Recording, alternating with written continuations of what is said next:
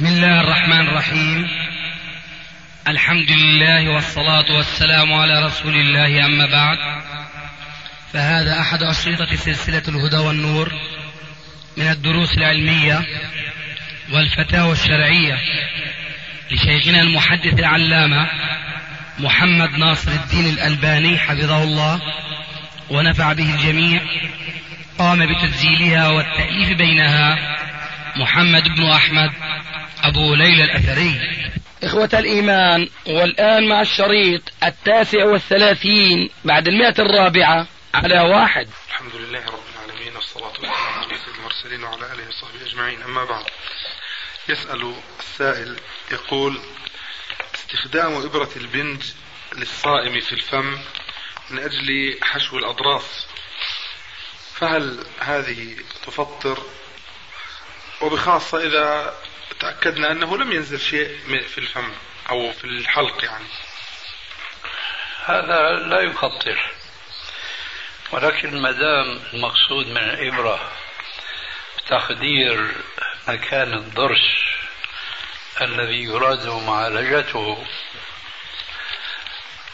المشكلة من الناحية العملية ليست هي هذه الإبرة ولكن هو ما هو المعهود في هذه العملية من الأطباء أنهم يستعملون نضح الماء من ماسورة دقيقة جدا بواسطة الجهاز الذي عند طبيب الأسنان من أجل تنظيف المكان الذي يراد حشوه.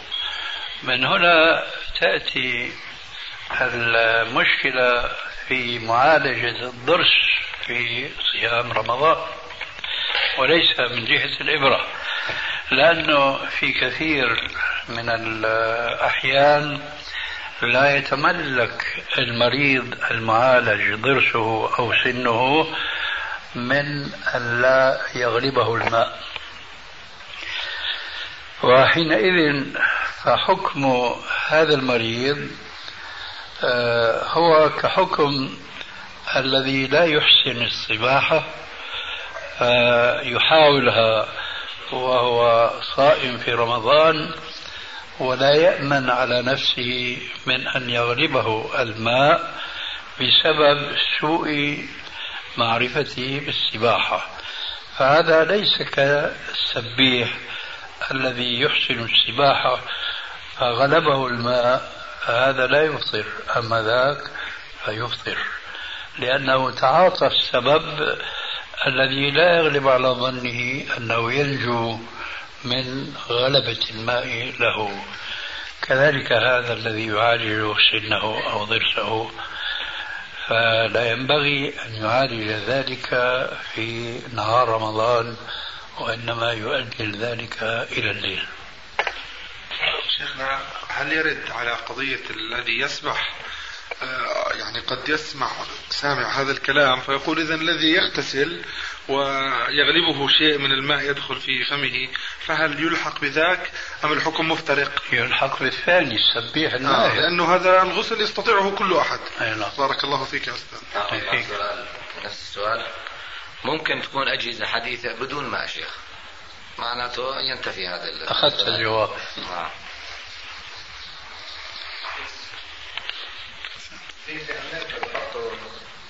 شفاطة. بنفس الوقت تكون تشفط المي. المهم بارك الله فيك أن يكون المعالج سنه أو ضرسه في اطمئنان من أن يغلبه الماء. أما ما هي الوسيلة؟ فأخوك ذكر وسيلة وأنت الآن ذكرت وسيلة أخرى وهو الشفط. المهم ضمان عدم غلبة الماء وسبقه إلى الجو غيره. شيخنا يسأل السائل قائلا آه، حول أذكار ما بعد الصلاة. فهل تكون جهرا إذ قال بعض المشايخ المشهورين بأن ترك الذكر جهرا من السنن المهجورة؟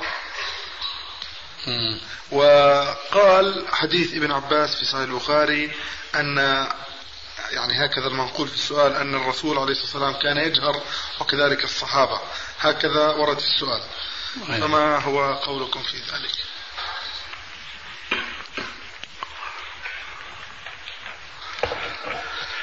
الحديث الذي أشير إليه هو حديث لا شك صحيح رواه الإمام البخاري في صحيحه. ولكن ليس نصا في استمرارية الجهر بالذكر أو بالتكبير. من جهة.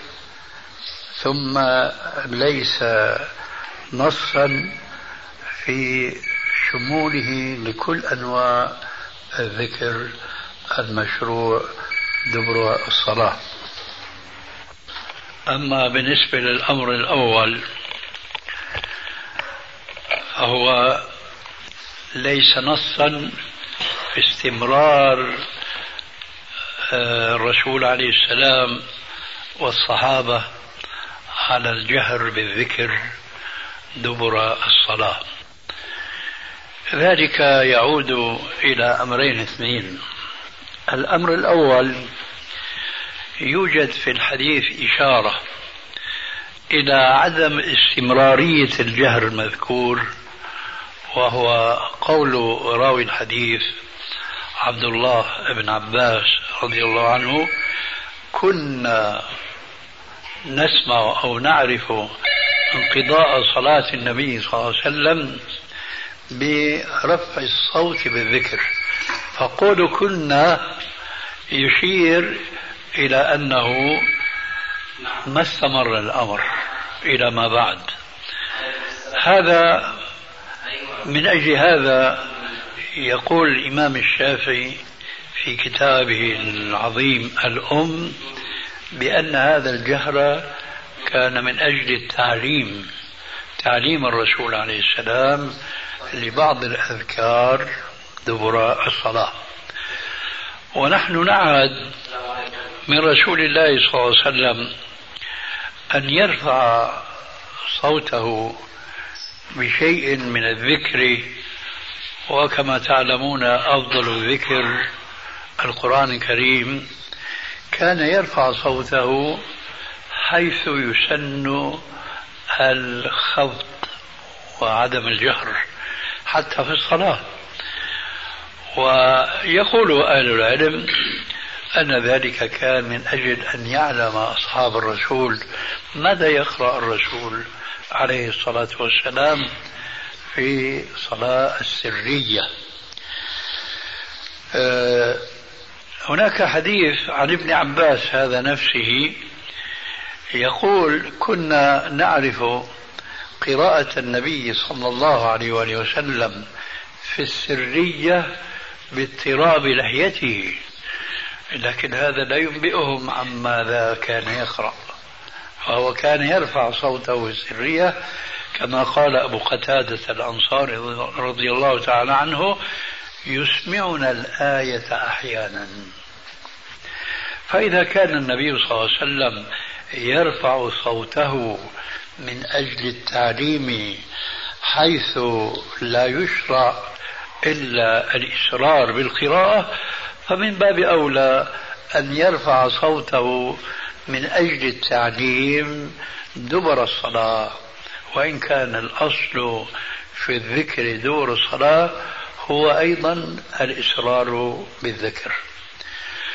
هناك أحاديث كثيرة وكثيرة جدا تحض المصلين في غير الصلاة أن لا يرفعوا أصواتهم بالذكر حتى لو كانوا في العراء حتى لو كانوا في الصحراء فقد جاء في الصحيحين من حديث أبي موسى الأشعري أنهم كانوا في سفر قال فكنا إذا علونا شرفا أي جبلا صغيرا كبرنا وإذا هبطنا واديا سبحنا ورفعنا أصواتنا فقال عليه الصلاة والسلام يا أيها الناس اربعوا على أنفسكم إن من تدعونه ليس بأصم ولا غائب إنما تدعون سميعا بصيرا إنما تدعون من هو أقرب إلى أحدكم من عنق راحلته إليه. هذا في الصحراء. فما بالكم في المسجد الذي يترتب من رفع الصوت فيه التشويش على من قد يكون مسبوقا بركعة أو أكثر. وعلى من يكون مشغولا بتلاوة القرآن أو شيء من الأذكار ونحو ذلك. من أجل هذا جاء قوله عليه السلام وقد سمع أصوات الذاكرين في المسجد مرفوعة. فقال يا أيها الناس كلكم يناجي ربه فلا يجهر بعضكم على بعض بالقراءة وفي رواية بالقرآن. هذا من حيث أنه لا يوجد في حديث ابن عباس الدليل على استمرارية العمل. أما أنه لا يوجد فيه دليل على شمول كل الأذكار فهذا أولى وأولى أنه لا وجود له فيه وما أظن أن أولئك المشايخ الذين أشار إليهم السائل في سؤاله وقال أن رفع الصوت بالذكر دبر الصلاة من السنن المتروكة ما أظن أن هذا الرجل آه، نفسه المتحمس لرفع الصوت بالذكر هذا التحمس الذي قال إن رفع الصوت بالذكر من السنن المتروكة. ما أظنه يقول بأنه يشرع رفع الصوت في كل ذكر دبر الصلاة. كان يقول مثلا أنت من جانب وجارك من جانب. سبحان الله سبحان الله سبحان الله وبحمده إلى آخره. ما أحد يقول بهذا الكلام. كل ما يمكن أن يقال أن هناك بعض التهليلات وبعض الأذكار التي جاء النص بأن النبي صلى الله عليه وسلم كان يرفع صوته بذلك والتعليل سبق وهو من أجل التعليم. أما كل ذكر اللهم أعني على ذكرك وشكرك وحسن عبادتك الذي نصح النبي صلى الله عليه وسلم وأوصى به معاذ بن جبل حينما قال له يا معاذ إني أحبك يا معاذ إني أحبك يا معاذ إني أحبك. فلا تدعن أن تقول دبر كل صلاة اللهم أعني على ذكرك وشكرك وحسن عبادتك. كذلك أن يقول الناس جميعا اللهم أنت السلام ومنك السلام. وكذلك ما يفعلون. هذه الأشياء كلها لا يجهرون بها. لكن ماذا يجهرون؟ تهليلات العشر بعد الفجر وبعد المغرب. فما الذي استثنى هذه؟ من تلك. فلا يوجد إذا في الحديث أولا التصريح على الاستمرارية ولا على الشمولية. وبهذا ينتهي الجواب. يسأل السائل ويقول إنه قد ورد عن النبي عليه الصلاة والسلام أو في بعض الأحاديث أنه عند ما يقول المؤذن أشهد أن لا إله إلا الله وأشهد أن محمد رسول الله قال راوي الحديث وأنا. قال سمعت ذلك من رسول الله صلى الله عليه وسلم. فيقول السائل هل نحن أيضا نقول هذا؟ ثم هل نقول هذا في التشهد أم في الأذان؟ في التشهد في الصلاة يعني هكذا. ما له علاقة القضية بالتشهد في الصلاة. أما بالنسبة للسؤال الأول الجواب نعم. وهذا فيما أفهم قد يكون الإنسان في وضع ليس مستعدا لإجابة المؤذن إجابة كاملة هي الأفضل. كما قال في الحديث المعروف إذا سمعتم المؤذن فقولوا مثل ما يقول إلى آخر الحديث. فقد يكون في وضع لا يتمكن من متابعة المؤذن فيختصر الجواب حينما يقول المؤذن مرتين أشهد أن لا إله إلا الله أشهد أن لا إله إلا الله فيختصر المجيب ويقول وأنا وأنا. هذا يشمل الجميع وهذا من يعني السنة اللطيفة التي آه، تيسر المسلم أن لا يفوت عليه الفضل كله من أصله. لكن بعضه أفضل من بعض. الأفضل أن تجيبه بالمثلية كما قال فقولوا مثل ما يقول. لكن إذا دار الأمر بين عدم الإجابة بالمثلية وبين الإجابة بهذه الجملة المختصرة وأنا وأنا هذا أفضل بلا شك من ترك الإجابة مطلقا. غيره. يقول من أدرك التشهد في صلاة الجمعة وقد فاتته الركعتان فهل يصلي أربعا أم اثنتين؟ أربعا.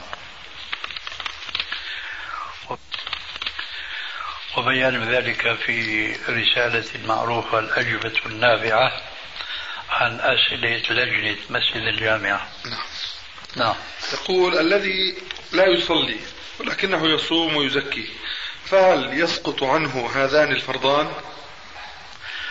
نعم يسقط عنه بمعنى أنه ليس هذا الذي يصوم ويزكي وفي الوقت نفسه لا يصلي ليس مثل ذاك الذي لا يصلي ولا يصوم ولا يزكي. لقوله تعالى فمن يعمل مثقال ذرة خيرا يره ومن يعمل مثقال ذرة شرا يره. ولكن يخشى على هذا الذي يصوم ويزكي وفي الوقت نفسه لا يصلي ألا يستفيد من صيامه ومن زكاته لقوله عليه الصلاة والسلام أول ما يحاسب العبد يوم القيامة الصلاة فإن تمت فقد أفلح وأنجح وإن نقصت فقد خاب وخسر. فإذا حنانيك بعض الشر أهوى من بعض. الذي لا يصلي ويصوم ويزكي خير من الذي لا يصلي ولا يصوم ولا يزكي. نعم. السلام حديث حديث الرسول عليه الصلاة والسلام من ترك صلاة العصر فقد حبط عمله. نعم. لكن كمان هذا يجي هون نعم بس تفسير حبوط العمل في هذا الحديث اختلفوا فيه كثيرا بحيث أنه لا يبدو لنا وجه لترجيح قول على قول. بمعنى هل هو شامل لكل عمل صالح عمله؟ منذ أن دخل في سن التكليف أم حبط عمله في ذلك اليوم. والله أعلم الحقيقة. نعم. يقول كنت قد انتهيت من صلاة العشاء ثم جاء بعض الإخوة ليصلوا العشاء فأردت أن أصلي معهم تطوعا فهل أتمم أربعا بنية التطوع أم أصلي ثنتين لقول النبي صلى الله عليه وسلم صلاة الليل والنهار مثنى مثنى؟ لا هذا لأمر عارض يصلي معهم أربعا. ولكن المسألة ينبغي النظر إليها من زاوية أخرى وهي هل هو كان صلاته في المسجد أم في غير مسجد لأن الحكم يختلف. إن كان في المسجد فلا يجوز تكرار الجماعة وعلى هذا فلا يجوز أن يعيد هو وراء هؤلاء الذين يعقدون جماعة ثانية في مسجد له إمام راتب وله مؤذن راتب. أما إن كان وقع ذلك خارج المسجد في الدار في العراء في محل العمل التجارة إلى آخره فالجواب هو كما قلنا أنه يصلي معهم أربعة يمكن هذول الشيخ في أمريكا حتما في المسجد حاصل هذا الشيء هناك الناس ما أوقاتهم كما هنا يعني كيف؟ ممكن هذول اللي جاءوا يصلوا جماعة ثانية ما بيقدروا يجوا مع الجماعة الأولى مطلقا ليش؟ بسبب وضعهم هناك بيختلف عن وضعهم بالنسبة للعمل كلهم عاملون هناك بس هذا لا. لا يبرر لهم ولا يسوغ لهم يعني تكرار الجماعة في المسجد. لأنه عندنا هنا مثلا في بلادنا وفي باقي البلاد الإسلامية ربما يتساهلون ويتكاسلون يقولون نجد جماعة ثانية وثالثة ورابعة خاصة في مساجد السوق. فهناك يعني لا أعتقد الوضع ينطبق عليهم لأنه هناك ينتهي عمله في كذا في ساعة كذا أو في مسافات بعيدة مساجد قليلة جدا هناك في المنطقة التي فيها زكريا مثلا. فهل لهم رخصة مثلا؟ الجماعة. شيخ علي إذا قلنا لهم رخصة معنى ذلك أولا أن نقرهم في إقامتهم في تلك البلاد الكافرة. آه. هذه واحدة. والأخرى أن نقرهم في المحافظة على المساجد القليلة. ويقنعوا بالقليل. بينما الواجب أن يكون في كل محلة فيها جماعة مسلمون مسجد يجمعهم على الأقل الصلوات الخمس. وأن يكون في محلة أخرى مسجد جامع تجتمع فيه المحلات أهل المحلات كلها في المسجد الجامع. فإذا قلنا وهذا الذي قلته نعرفه تماما بأن هذا يسوغ لهم أن يكرروا الجماعة في المسجد الواحد فمعنى ذلك أن أننا أقررناهم على الأمرين الاثنين على إقامتهم في تلك البلاد التي لا تسمع لهم لأنها بلاد كفر أن يقيموا شعائر الإسلام كما لو كانوا في بلاد الإسلام. هذا أولا. معناه أننا نقرهم أن يستقروا هناك وهذا لا يجوز. وثانيا أن نقرهم على الإقلال من بناء المساجد وهذا لا يجوز. غيره. يسأل السائل يقول إذا وجدت على قارعة الطريق شيئا من المال أو غيره وكان قليلا تافها ليس ذا قيمة فماذا أفعل به؟ إن كان كما ذكرت وكان الملتقط فقيرا فهو أولى بها من غيره من الفقراء. وإن كان غنيا فليتصدق به على من يعرفه فقيرا. يقول زواج المصلحة هل يجوز؟ تعبير جديد. وهذا التعبير الجديد لا يجوز الإجابة عنه إلا بعد الإفصاح عن مضمونه. أنا يتبادر لذهني مثلا أن واحد مسلم آه، يريد أن يقيم في بلاد الكفر ويريد أن يتجنس بالجنسية الكافرة التي لا تجوز. فهو بيتزوج بوحدة أمريكية لأن هذا الزواج في ذاك القانون الكافر آه، يسوغ لهذا المتزوج أن ينال الجنسية الكافرة ولا فخر. ظلمات بعضها فوق بعض. ما بني على فاسد فهو فاسد. ما بني على حرام فهو حرام. أما لو قيل ما حكم الزواج أو زواج المسلم بالكتابية فنحن نقول حتى لو لم توجد تلك المصلحة الكمينة في ذاك السؤال الطريح. آنفا نعم. آه، أقول هذا الزواج اليوم بدون مراعاة المصلحة المزعومة أنا لا أراه جائزا. وهذه نقطة يغفل عنها كثير من الذين يتصدرون المجالس لإفتاء الناس بالحرام والحلال وما يجوز وما لا يجوز. ذلك لأن الأصل الذي قام عليه الحكم المعروف بجواز تزوج المسلم بالكتابية سواء كانت يهودية أو نصرانية. هذا القول آه، مستنده على قوله تعالى والمحصنات من الذين أوتوا الكتاب من قبلكم.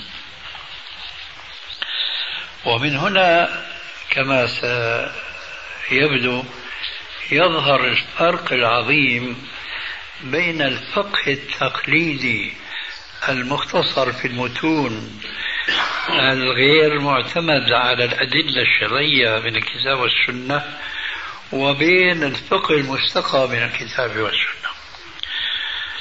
القرآن يقيد الزواج بالكتابيات بكلمة المحصنات. الفقه لا يقيد.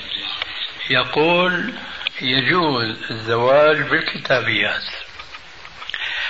فإذا رجعنا إلى النص الذي قام عليه هذا الفقه على ما فيه من تقصير في التعبير فالنص يفهمه كل عربي بل وكل عجمي مستعرب مثلي يفهم تماما أن الزواج بالكتابية مقرون فيما إذا كانت محصنة.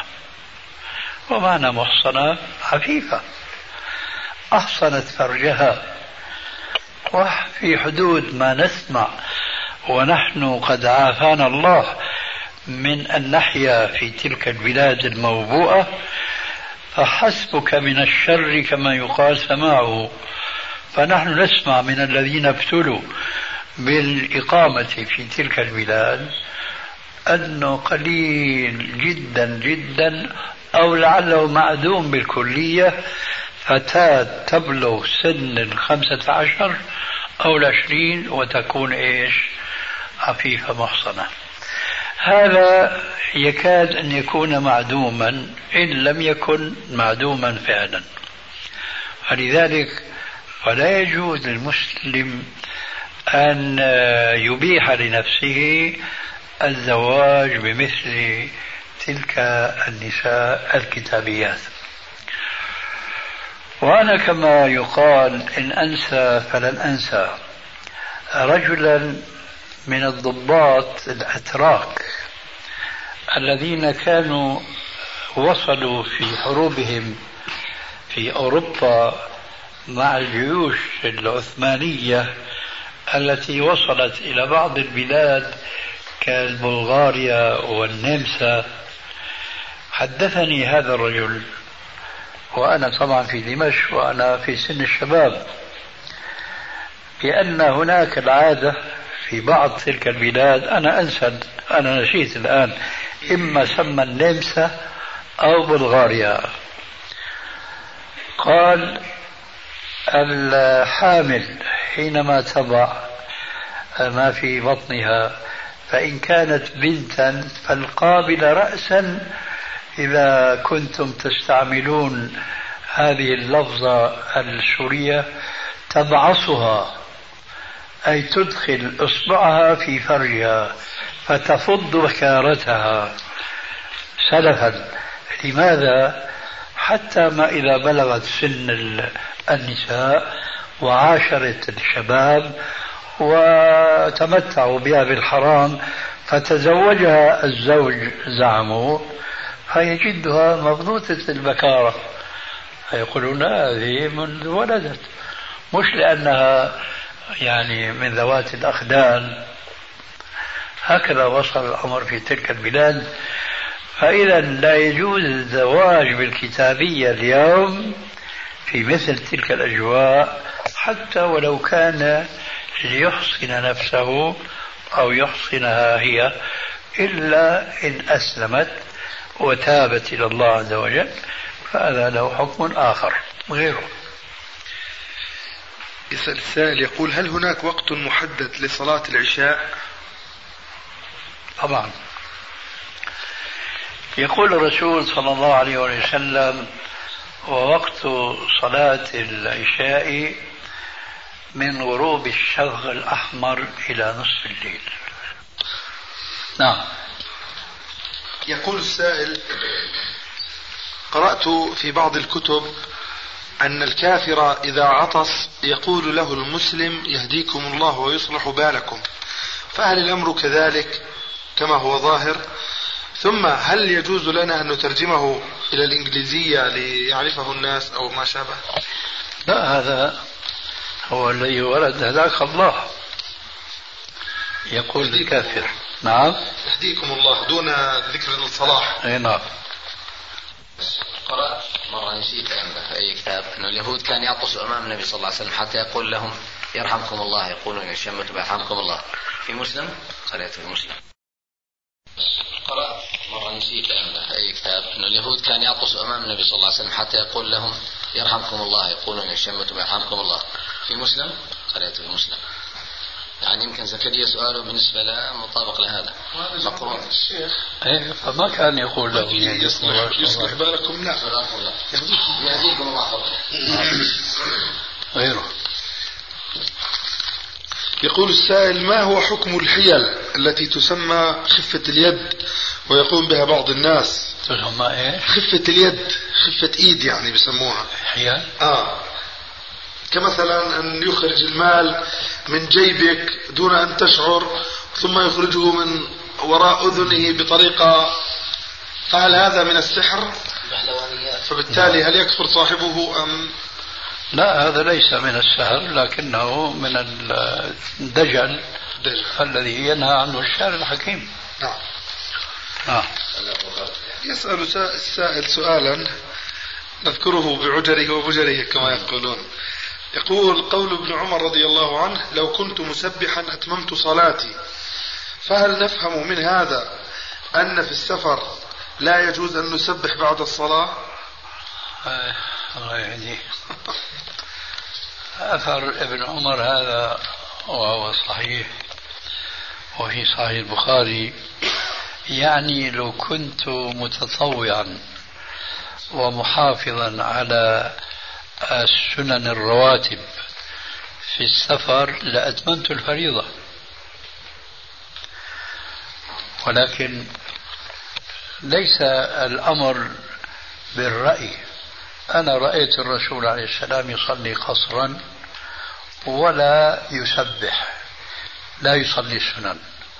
هذا هو مقصده رضي الله عنه. وهذا كلام عظيم جدا. أن المسلم يقف عندما جاء في الشرع لا يحكم عقله. لكن بعض الناس آه، لا يحسنون التسليم فيأتي مثل هذا الصحابي الجليل فبيفتح ذهنه بيقول له لو كان الدين بالرأي أنا بكمل الفريضة. أحسن ما أصلي السنة لأن الفريضة أفضل من السنة.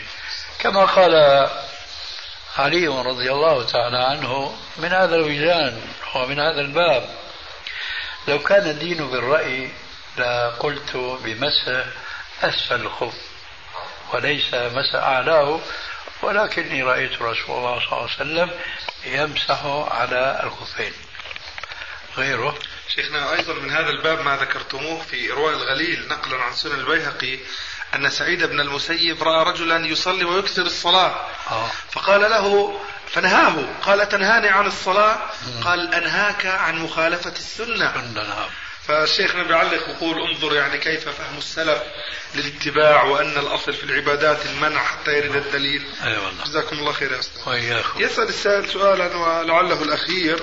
نعم فيقول رجل سرق بيته في بلاد الكفار في أمريكا.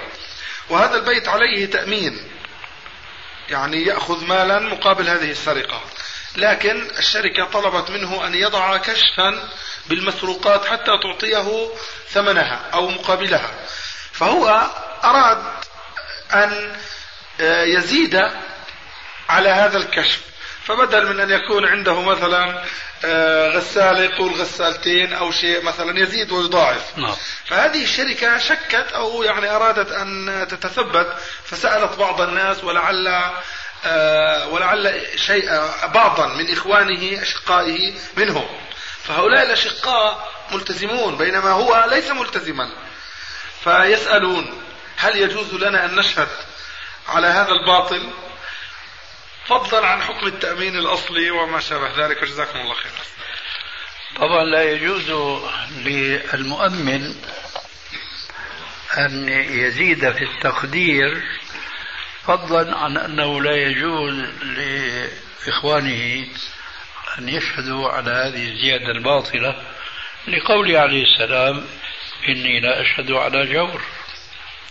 أما أنه التأمين في الأصل هو خمار. هذه مصيبة عمت البلاد فلا يجوز التأمين مطلقا. ولعل من آثار هذا التأمين المحرم أن يصل إلى مثل هذا التدليس والإشهاد لبعض الناس على الكذب وعلى الزور فأخوي هذا بقول كلهم يهود اللي باخذوا من الأموال. شقيق غير ملتزم ويصلي فقط. يقول هذه كل أموال تذهب لليهود. إذا كانت اليهود تأكل أموال الناس بالباطل فهل نحن نتشبه بهم ونأكل أموال الناس بالباطل. ثم إذا كان يشهد هذه الشهادة فلماذا هو يساكنهم؟ لماذا يساكنهم؟ لماذا يعاشرهم ويعيش في بلادهم؟ على زكريا وأمثاله من الملتزمين أن يلتزموا من قول الرسول الكريم إني لا أشهد على جور. شيخ في بيعمل الليل يسألني واحد في المسجد مكت صغيرة على رأى شكل أسد مكت متك الدخان عافى الله وإياكم الحمد لله. وبقول لك حتى ما نستعملها للدخان حطينا منظر صغيرة.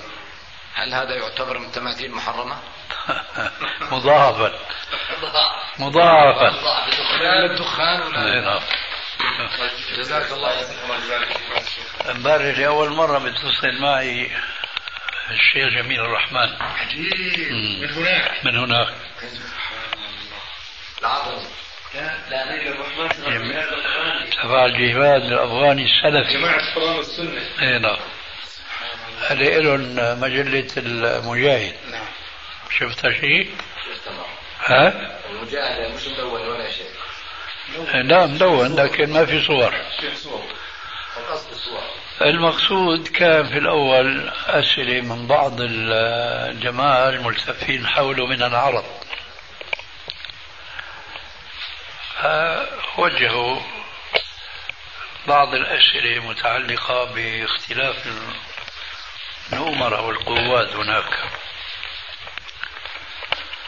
فأجبتهم بما هو معروف لديكم جميعا. لكن الظاهر أنه مو هذا هو سؤال الشيخ جميل الرحمن نفسه. ففوجئت وإذا به هو يبدأ الكلام. وبلكنة أعجمية واضحة جدا. لكن ما قدم نفسه إلي لكنه يتكلم بكلام يعني كلام شجعان يعني المقدام. مقدام إي نعم. فأيضا أجبته لكن يقول وكما تعلم من عادتي هل أجبتك عن سؤالك؟ أقول له قال لي لا ما ما أخذت جواب سؤالي. كأنه هو شعر أنه أنا ما عم أفهم عليه أو ما عم يفهمني إلى آخره. فكلف أحد الأخوان العرب. هذا الأخ قال لي الذي كان يكلمك آنفا هو الشيخ جميل. هو يسأل عنك كذا وكذا. كان السؤال أنه الشيخ جميل هل هو إمارته إمارة عامة أم خاصة؟ هيك كان السؤال قلت له لا هذه إمارة خاصة. وما بتكون الإمارة عامة إلا حينما يبايع هذا الأمير أو ذاك بيعة عامة من المسلمين في كل أقطار الإسلام. وإذ كمان مش هذا هو الجواب. لكن تبينت بعد ما حكى بالعربي أنه هن ما عم يعرفوا يسألوا. وإذا السؤال هو هل مثل الشيخ جميل إمارته إمارة عامة أو خاصة بمعنى هل من يوليه هو الشيخ جميل من الرؤساء والأمراء في مختلف المناطق التي هو أميرها؟ هل لهؤلاء الأمراء طاعة بناء على أنهم ولوه من قبل الأمير؟ يعني زي من أطاع أميري فقد أطاعني. وهذا جبتنا الحديث نفسه. قلت له بارك الله فيك الآن وضع الأمر. فكما يجب إطاعة الشيخ جميل يجب إطاعة الرؤساء والأمراء الذي نصبهم الأمير جميل. وبعد ذلك بدأوا يسألون أسئلة فقهية كمثل الجمع بين الصلاتين وهم في الحدود مع الكفار أو الشيوعيين. قال لأنه بعض المشايخ الذين زارونا قالوا ما يجوز لكم الجمع خاصة جمع التقديم. فأنا أجبت كما تعلمون بالجواز قلت له بخاصة أنني أتصور وما أدري وضعكم كيف. أنكم أنتم بالإضافة إلى أنكم مجاهدون فأنتم قوم صبر. ها فلو كان ما في هناك حرج من المحافظة على أداء الصلاة في أوقاتها فباعتباركم مسافرين فيجوز لكم الجمع أصلا أصلا هون بقى وجد إيش؟ سببين. السبب الأول هو السبب هو السفر. والسبب الثاني الحرج اللي بتلاقوا العدو قدامكم مو كل ساعة بتقدروا تصلوا فبتجمعوا بين الصلاتين. هذا من سؤالهم. كذلك سألوا حول المسجد هل يشرع اتخاذ المنبر فيه؟ قلت هذا يختلف اختلاف المسجد. إن كان مسجد مسجدا جامعا تقام فيه الجمعة والجماعة فلا شك أن هذا سنة. أما إن كان مسجدا لا تقام فيه الجمعة إنما الجماعة فقط فذلك ليس من السنة. ثم انتقل إلى السؤال عن المحراب في المسجد. فأجبتم بأنه لا أصل له في السنة. ثم أخيرا دخل في الحديث الشيخ جميل الرحمن. أي نعم لكن كل كلامه كان في النهاية دعاء بطول العمر وانتفاع المسلمين بعلمك ونحن يعني كما تعلم لا نستغني عن علمك وسوف نتصل بعد أن عرفنا طريق الاتصال بك هاتفيا ونحو ذلك. يعني كلام يدل على إخلاص وعلى احترام للعلم ونحو ذلك. آه، عندما نجمع في السفر أو في الحضر بين الصلاتين هل ندعو الدعاء بعد الإقامة؟ اللهم رب هذه الدعوة التامة في الإقامة الثانية ونقول للمسلمين استووا تراصوا. الصلاة الثانية المجموعة أما إجابة فلا تزال قائمة. أما تسوية الصفوف فحسب الحاجة. إن رأيت اعوجاجا في الصف قومته وإن وجدتهم لا يزالون مستقيمين فالحمد لله رب العالمين. أما الدعاء اللهم رب الدعوة هذا هو قلنا الإجابة لا تزال قائمة. آه، طبعا آه، ذكرت أنه النبي صلى الله عليه وسلم أنا لحد الآن كنت ماخذ به السنة فكأنها تطبق حتى الآن رفع الصوت أحيانا في الصلاة السرية. آه. بالآية كويس. ولكن هذا كان مش مثل الذكر اللي كان اللي ذكر عنه ابن عباس رضي الله عنهما. لا هو شوف نفس الذكر نفس الذكر يقال إن كان في مصلحة تعليم فبيرفع الإمام ذكره من أجل التعليم لا ليصير سنة.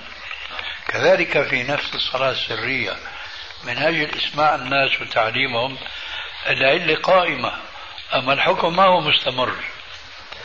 فما وجدت العلة وجد المعلول. آه، عند وجود العلة آه. الإمام الشافعي بالكلام اللي تفضلت فيه وأشرت إليه قبل قليل بضرب مثل بديع جدا. بذكر حديث صلاة الرسول عليه الصلاة والسلام على المنبر ثم رجوعه. بقول هذا حدث مرة مع الرسول عليه الصلاة والسلام وإنما فعله للتعليم. فهذا مثل ذاك. رحمه الله. فشوف يعني سبحان الله. جزاه الله خيرا. ذكرت حديث المنبر؟ لما كان يصلي النبي صلى الله عليه وسلم آه. سجد في أصل المنبر. إذا كان سؤال عن أخوي هذا المنافق يشتم الذات الإلهية لأي سبب؟ آه يحب الكفار كأنهم أخوانهم هل نستطيع أن نكفره؟ هل إيش؟ نستطيع أن نكفر نقول عنه إنه كافر؟ لا ما بنكفره إلا إذا إلا إذا استحل موالاة الكفار بقلبه. والا راح يتسع علينا دائرة التكفير اللي بيأكل الربا كافر واللي بيسرق كافر والغشاش كافر والزاني كافر. ما يقال هذا. يقال من استحل هذه المحرمات ومنها موالاة الكفار قال مثلا مثل ما بيقولوا بعض الجهال لما بتقول له يا أخي ما تتوضأ وتصلي بيقول لك يا أخي بلا وضوء ولا صلاة. هذا كان هذا كفر. أما لما بتقول له الكلام بيقول لك إيه الله يتوب علينا الله يهدينا. بتلاحظ الفرق بين الاثنين؟ أسألك. كيف؟ ما لك معي أنت. ما لك معي. أما أضرب لك مثال. أن بعض الناس ممن لا يصلون لما بتأمرهم بالصلاة بيقول لك بلا صلاة بلا. نعم. فهمت هذا بس سؤالك في الأخير يعني. في أنا لك أنا إنه كيف فهمت بس بدي أنا سألتك عن الأخير. بتلاحظ الفرق ولا لا؟ أنا شفتك بعيونك شارد عني. خليك كمل كمل رجلان تاركان للصلاة. أحدهما حينما يقال له يا أخي ليه ما تصلي؟ صلي. يقول لك بلا صلاة بلا كذا. هذا كان بالنسبة للعرب أهل بدو أهل, وساخة وإلى آخره. لا ما في حاجة لها الصلاة هذا كافر. ورجل ثاني مثله ما بيصلي لكن لما بتذكر بالصلاة بيقول لك الله يتوب علينا. الله السؤال كان وأرجو أن تكون معي هل تلاحظ معي الفرق بين الاثنين؟ طيب. الأول هو الكافر. الثاني ليس كافرا لكنه فاسق ويكفيه إثمه وفسقه. على هذا المقياس بتقول عن كل المعاصي التي منها موالاة الكفار. فإذا كان يستحل الموالاة فما بيحرم الموالاة اللي ربنا حرمها بنص القرآن. فهذا كالرجل الذي لا يصلي وبيقول هذه الصلاة كانت فهو كافر. أما هذا بيقول لك الله يتوب علينا. بدنا نضطر نسير ونعيش كذا. هذا فاسق وليس بكافر. وضح لك الفرق إن شاء الله. عبارات الفقهاء في مسألة الصائم والمفطرات له وما شابه ذلك يقولون ألا يدخل جوفه شيء. هل هذا القيد صحيح؟ لا. ليس بصحيح. إنما الطعام والشراب آه. بنص القرآن والسنة. هذا كقولهم العكس الدخول هو الخروج في مسألة نقض الوضوء ما خرج من السبيلين. هذا التعميم لا أصل له أيضا. ما خرج من السبيلين. هذا التعميم لا أصل له. لا يوجد ما ينقض إلا البول والغائط والمذي والودي ونحو ذلك. بعض الفقهاء القدامى كالإمام مالك رحمه الله صرح بضد هذه القاعدة العامة. قال لو خرج منه حصوي أو خرج منه دودي هذا يشمله القاعدة العامة ما خرج من السبيلين. هو بيقول لا ينقض ما في عندنا دليل. وشو عامل خرجت منه دودة؟ بهالمناسبة كان في بعض البلاد آه، الناس مبتلون بالدود الأحمر اللي بيعيش في الأمعاء وبتلاقي بعضهم ما بيشعر إلا هو نازل. نعم؟ آه. بس كأنه يعني الأدوية اللي انتشرت كأنه خففت من هذا الشيء. ما عاد سمعنا المهم مثل الدودة خرجت. طيب شو عامل فيها هو؟ الرسول قال في الحديث الصحيح فلا ينصرفن حتى يسمع صوتا أو يجد ريحا. لا هاي ولا هاي خلاص. هذا مش داخل في النواقض. هذا العموم مثل هذا العموم والله خطر في بالي يعني وأنا نتحدث أيه. شيخنا عن المفطرات أيه نعم. بعضهم بيقول الذي يضع ال- القطرة في يجد في حلقه أيه نعم. لو وجد في حلقه هذا لا يسمى طعاما ولا شرابا أيه نعم. وربنا عز وجل يقول فكلوا واشربوا أيه نعم. حتى خروج الدم من الرجل خروج الدم الدم من الرجل ليس من المرأة المرأة إذا كان حيض أو الدم يخرج من المرأة والرجل في نفس الشيء يعني بسبب نزيف في المثانة مثلا عفى الله وإياكم أو في المعدة أو باصور أو كذا. لا إيه، سؤالك يتعلق بنواقض الوضوء ولا بالصيام؟ نواقض وضوء طيب. الدم الذي يخرج من ال- المرأة فهو إما دم حيض أو دم استحاضة. ماشي؟ أو دم بسبب مرض ما قرحة مش مهم بس الموضع نعم. له هنا تأثير بالنسبة للمرأة. نعم. لأنه قلت أنت مثل هذا ما خرج عن كونه دم حيض أو دم استحاضة. صح؟ ما هو دم حيض؟ فإذا هو دم استحاضة. هذا ينقض الوضوء أما الرجل فلما ليس من عادته أن يحيض ولا أن يستحاض فحكم دمه غير حكم دم المرأة التي تحيض أو تستحاض. ولذلك المذهب الشافعي في هذه النقطة أوسع المذاهب حيث قال خروج الدم لا يقض الوضوء مهما كان كثيرا مهما كان كثيرا. ونقيضه المذهب الحنفي ينقض مهما كان قليلا. والوسط مذهب الإمام أحمد ومالك أيضا إن كان كثيرا نقض وإلا لم ينقض. وأنا لا أتصور في العادة دما كثيرا أكثر من قصة ذلك الرجل الحارس اللي قام يحرس الرسول والجماعة وهم نائمون في السفر. نعم يقول امرأة يعني قد انقطع حيضها وبلغت سن اليأس كما يسمونه في لغة العصر ثم فجأة رأت الدم رجع لكن بغير كثرة وأحيانا بكثرة وأحيانا بقلة من غير أوقات محددة من غير انتظام في أي شيء. فهذه هل تلحق بالاستحاضة أم بالحيض أم بأي صورة من الصور؟ بتشوف آه، لون الدم يعني تعرف ورائحته. أيوة. إذا هذا الضابط. أي نعم. جزاك الله خيرا. إياك بارك الله فيك يا شيخ. يا الله سبحانك اللهم وبحمدك.